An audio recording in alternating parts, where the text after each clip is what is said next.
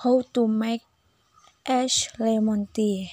Ingredients 1 bag of tea bag, 2 pieces of lemon orange, 2 teaspoons of sugar, 6 ice cups, uh, 15 milliliter of hot water, 100 milliliter milliliter of hot water.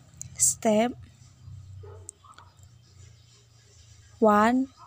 Brew it tea bag in 50 milliliter of hot water, add sugar, and then stir until evenly distributed.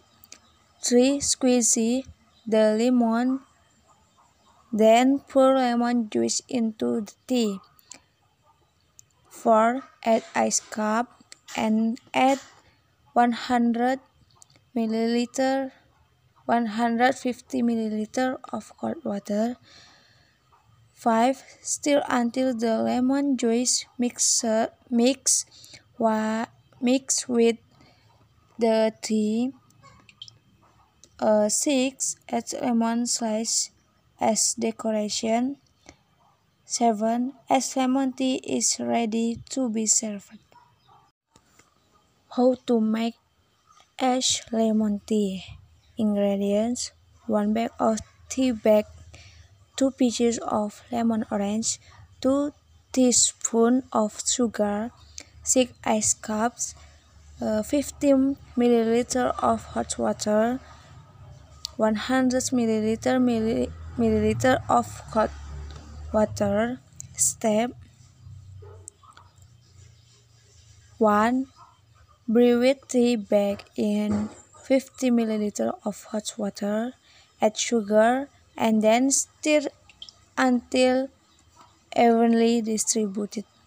3. Squeeze the lemon, then pour lemon juice into the tea.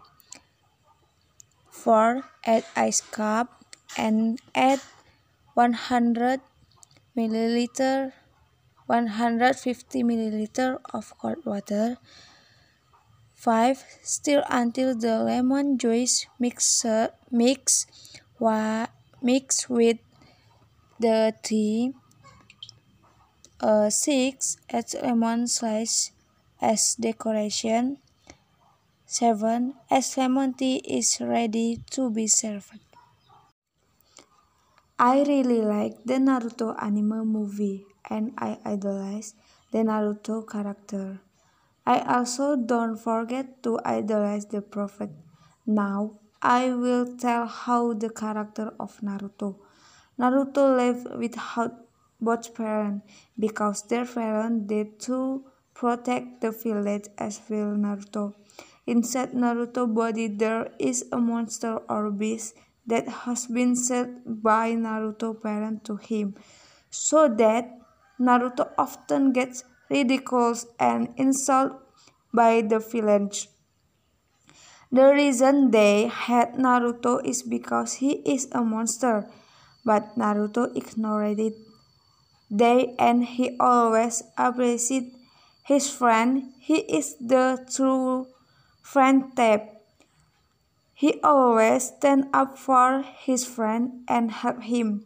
He saved the village from the enemies so that he received praise from the village and was not hated anymore. He is also not the type to give up easily.